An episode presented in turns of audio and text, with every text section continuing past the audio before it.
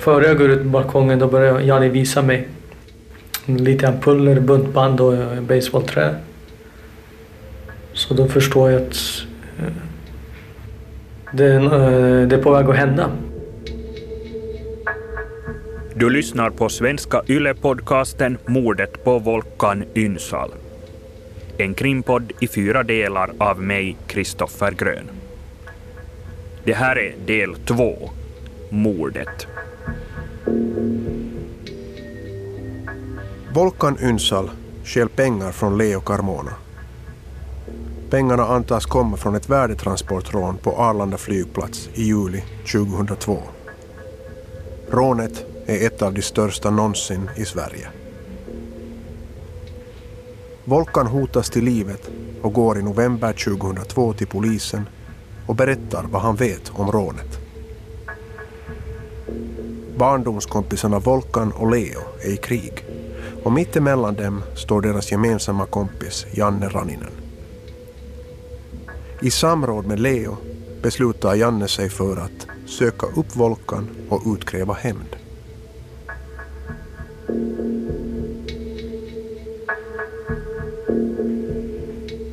I den kriminella världen så finns det vissa regler och lagar man ska hålla sig till.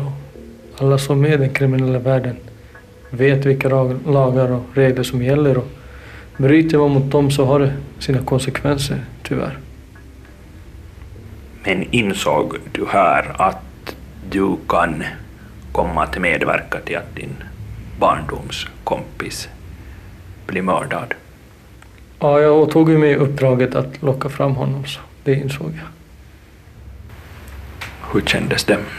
Det kändes inte bra, men det är en konsekvens av vad Volkan hade gjort och vi alla levde det kriminella livet då och det var en följd av det som hade hänt. Och var det någon närmare plan liksom då än att när och var det skulle ske? Nej, så fort man kan locka fram honom så tar vi det därifrån sen, tänkte vi. Och jag lockade honom till Finland och här planerade vi sen framåt. Det är slutet av september 2003.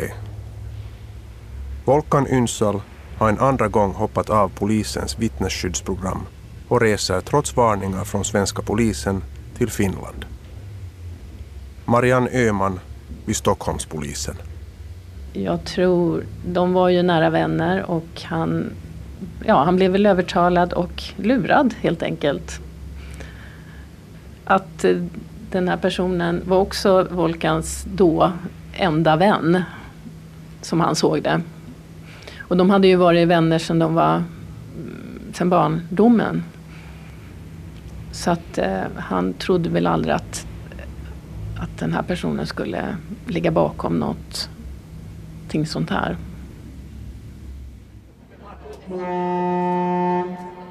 Barndomsvännerna Volkan och Janne stiger ombord på Silja Serenade i Stockholm. Färjan avgår klockan 17 den 27 september 2003.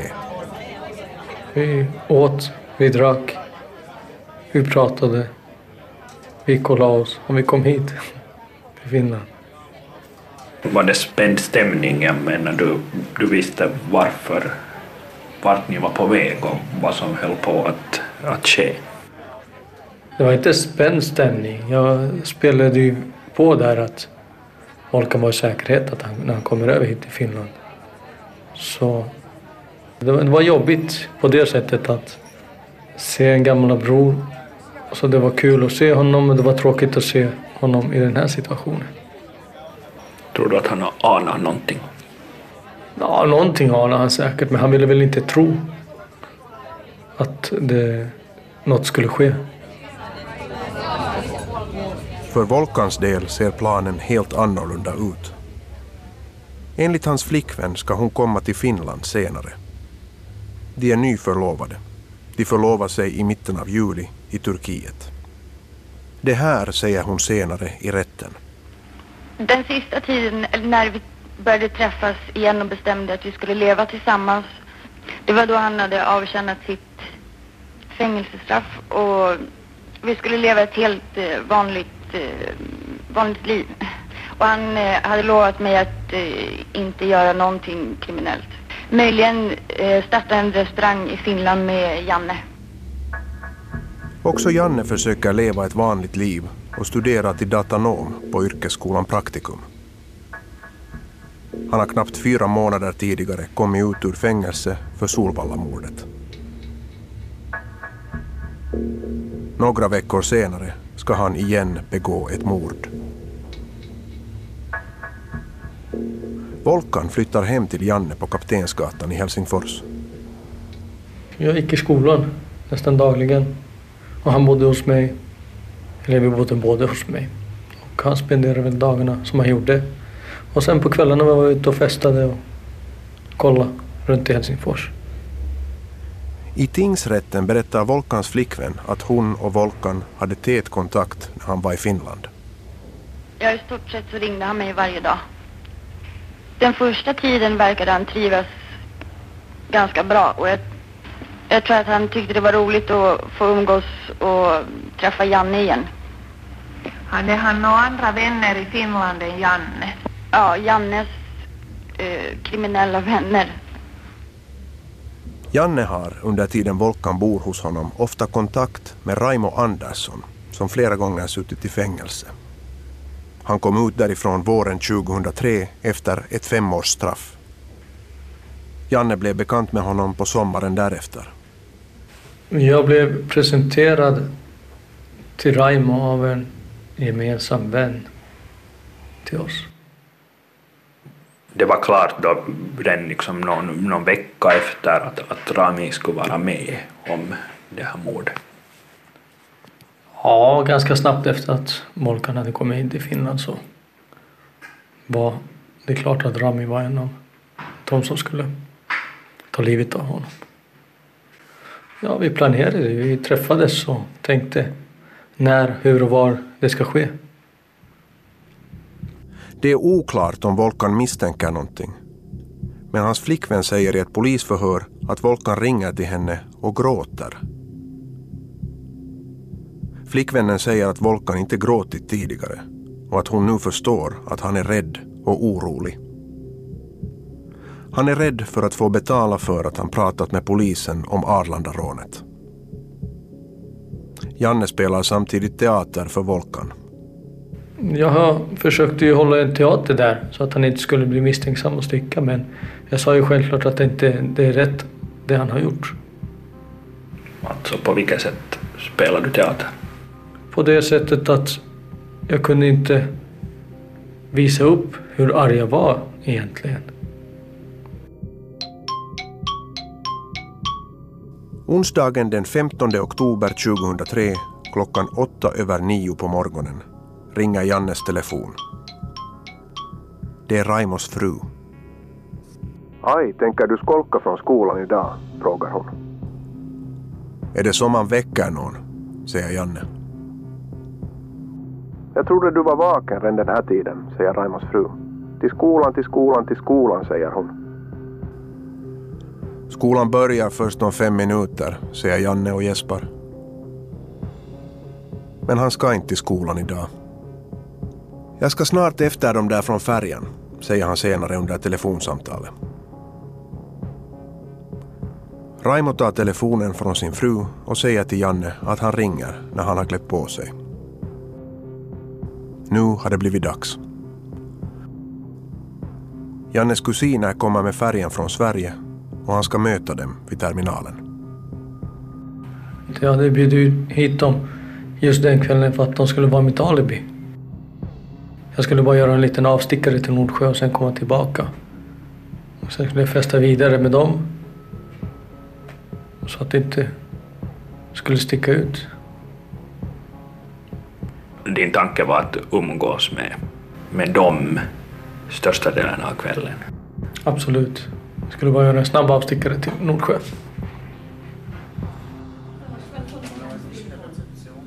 Kusinerna bor på Hotell Torni i centrum av Helsingfors. och Janne för dit dem från terminalen. Raimo kommer dit på förmiddagen och träffar Janne. På eftermiddagen hyr Raimos fru en paketbil som hon senare berättar att ska användas då kompisen Jani Leinonen ska flytta från Nordsjö till Myrbacka. Klockan halv fem på eftermiddagen ringer Janne till Raimo och frågar vad han ska göra. Kanske vi ska fara och supa, säger Raimo.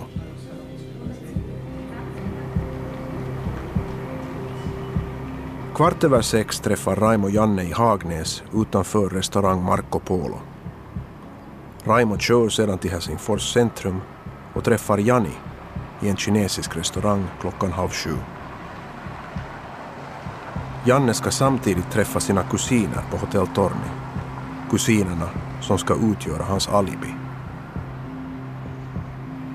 Men Jannes flickvän är också på väg ut och det innebär problem. Raimo ringer därför till sin fru tio minuter i sju på kvällen. Jag tänkte fara med Janne och supa. Hans flickvän har trängt sig på och han vågar inte säga. Så kan du fixa så att du för bort henne senast halv nio. Raimos fru är med på planerna och lovar fixa bort Jannes flickvän. För vi skulle ju ta livet av Volkan, då är det inte bra att någon andra är med och festar utan de som har med det här att göra. Visste din dåvarande flickvän någonting? Absolut inte. Förutom Jannes kusiner är Jannes kompis från praktikum också på Hotell Torni den här kvällen. Janne ringer honom och ber att han och hans flickvän kommer med. Från Hotell Torni far sällskapet sedan till en mexikansk restaurang. Men Janne stannar inte för att äta utan åker iväg rätt snabbt och säger åt de andra att han hämtar sin flickvän. Flera timmar efter att Janne åkt från restaurangen undrar hans skolkompis var han är någonstans. De har ätit färdigt snart så jag tänkte bara ringa och fråga om du är på väg så småningom, frågar skolkompisen av Janne. Jag tar ett par dricka och så kommer jag förbi sen, svarar Janne. Det är en lögn. Janne har 15 minuter tidigare talat i telefon med Raimo, som då är på väg till hans lägenhet på Kaptensgatan. Idag vill Janne inte prata om sin skolkompis eller sina kusiner. Jag vill inte tala om honom, han har ingenting med det här att göra. Han har inte levt något kriminellt liv och han har absolut inte med det här att göra. Han visste ingenting före och visste ingenting efter heller så jag vill inte tala om de samtalen överhuvudtaget.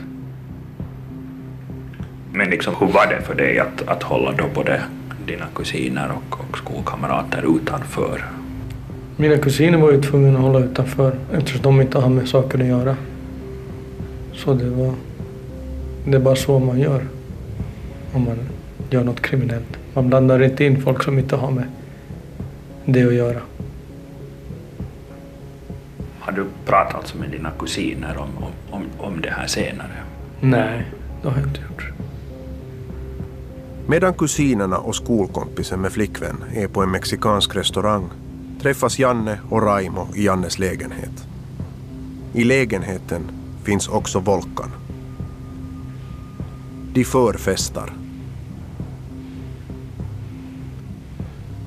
20 minuter i elva talar Janne igen i telefon med sin kusin och med sin skolkompis. Janne säger att han är lite utanför Helsingfors men han säger att han ska komma och träffa dem senast om en timme.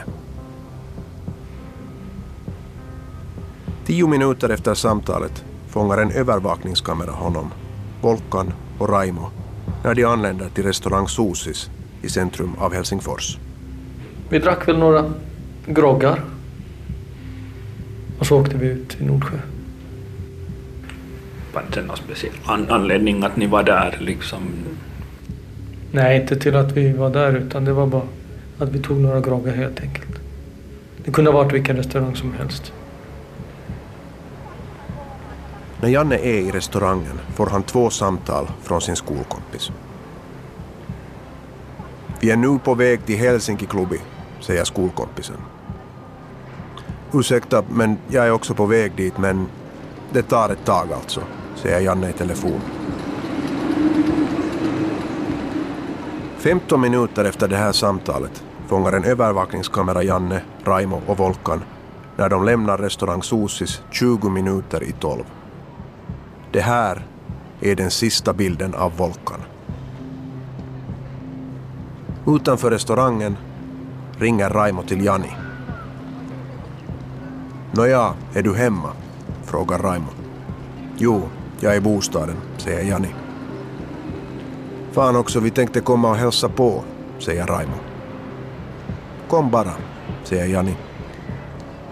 Raimo startar bilen och kör mot Nordsjö till Janis lägenhet. Enligt Janne misstänker Volkan inget. Han trodde att vi skulle åka ut och köpa kokain där ute. Så han reagerade väl inte så starkt på det. Men på vägen dit så... Han var ju vaken, han var ju paranoid överhuvudtaget. Så när jag, när jag pratade i telefon då kom han rätt nära mig när jag pratade i telefon och sa där är Östra centrum. Och det sa han med flit så att ifall jag är avlyssnad så skulle de höra hans röst i bakgrunden och kunna lokalisera honom i efterhand. De åker mot Jannis lägenhet i Nordsjö. Men enligt Janne är tanken inte att döda Volkan där. Planen var att han skulle knockas där ute och sen föras till någon annan plats och mördas. Det var det som gick snett. Var skulle han knockas?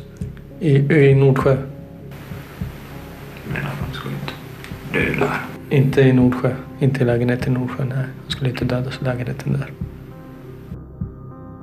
Janne, Raimo och Volkan anländer till Nordsjö efter midnatt.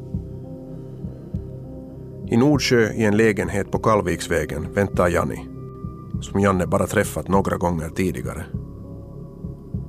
Vi kom in i lägenheten och vi hade lite kokain där som vi drog några linor. Och sen så ringer min telefon så jag går ut på balkongen. Före jag går ut på balkongen då börjar Janni visa mig lite ampuller, buntband och eh, baseballträ. Så då förstår jag att eh, det, eh, det är på väg att hända. Den som ringer Janne är skolkompisens flickvän. Klockan är två minuter i ett på natten och Janne ska snart döda sin barndomskompis. Var är du? frågar skolkompisens flickvän. Är ni där? säger Janne. Va? Är ni i Hesarin? frågar Janne på nytt. Jag är i Hesarin. Var är du? Jag är just på väg dit. Kommer ni hit? Jo, jo. Vi är här uppe.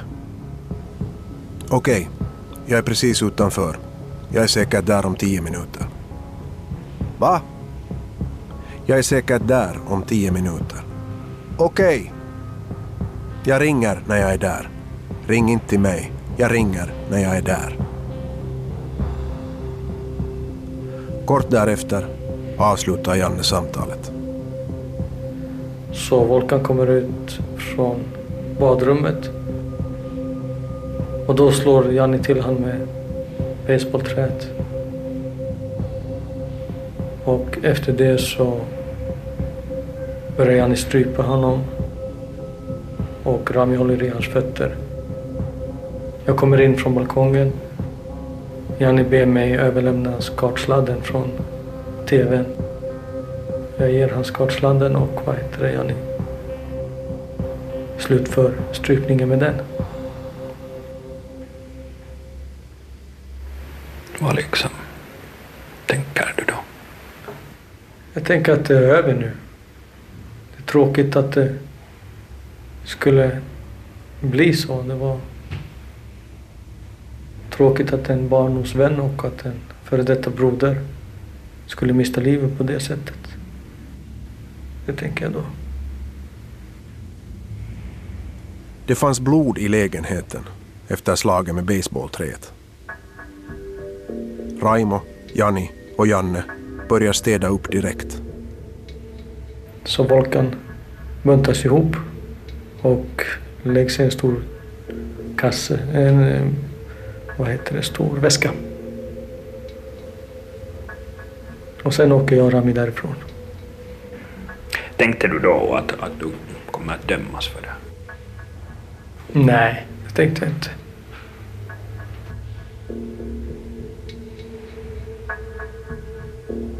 En vecka senare tar Volkans flickvän som bor i Sverige kontakt med polisen, kriminalinspektör Marianne Öhman vid länskriminalen i Stockholm.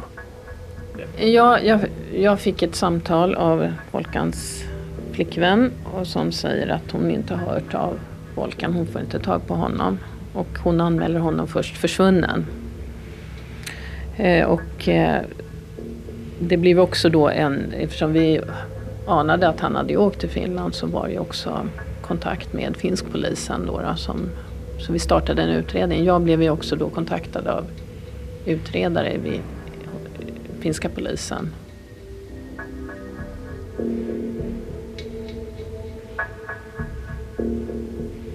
Omkring en vecka efter det första förhöret med Volkans flickvän inleder polisen i Helsingfors en förundersökning om mord. Janne kallas till förhör av Helsingforspolisen. De förhörde mig om eh, den dagen vi hade sett senast. De frågade mig frågor om det. Jag svarade att vi hade skilts åt utanför Stockman där vid Esplanaden.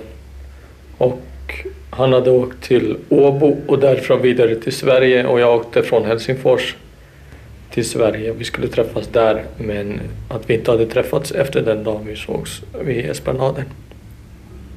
Hade du planerat det här på, på, på förhand, att du säger så här, eller var det, kom, kom det i stunden? Jag menar, du, du hittar ju på en historia.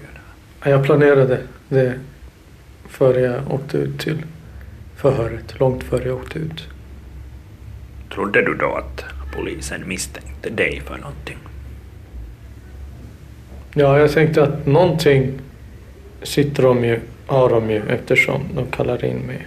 Och att de självklart undersöker eftersom det fanns indicier till både det ena och det andra men inte mer än så.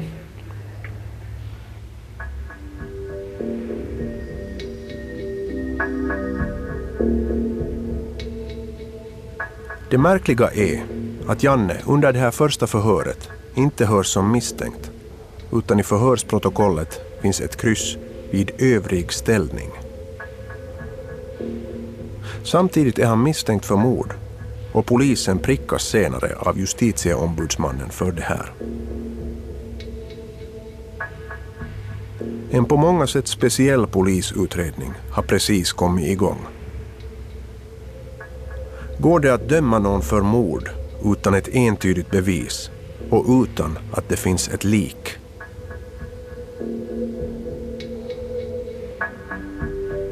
Det här var andra delen av svenska YLE-podcasten Mordet på Volkan Ynsal, en krimpodd i fyra delar av mig, Kristoffer Grön.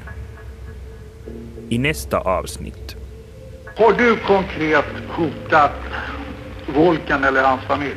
Det grövsta jag har sagt till Volkan, ni får ursäkta språket. Jag har sagt att jag ska knulla din mamma, din syster, din pappa och dig. Det är vad jag har sagt.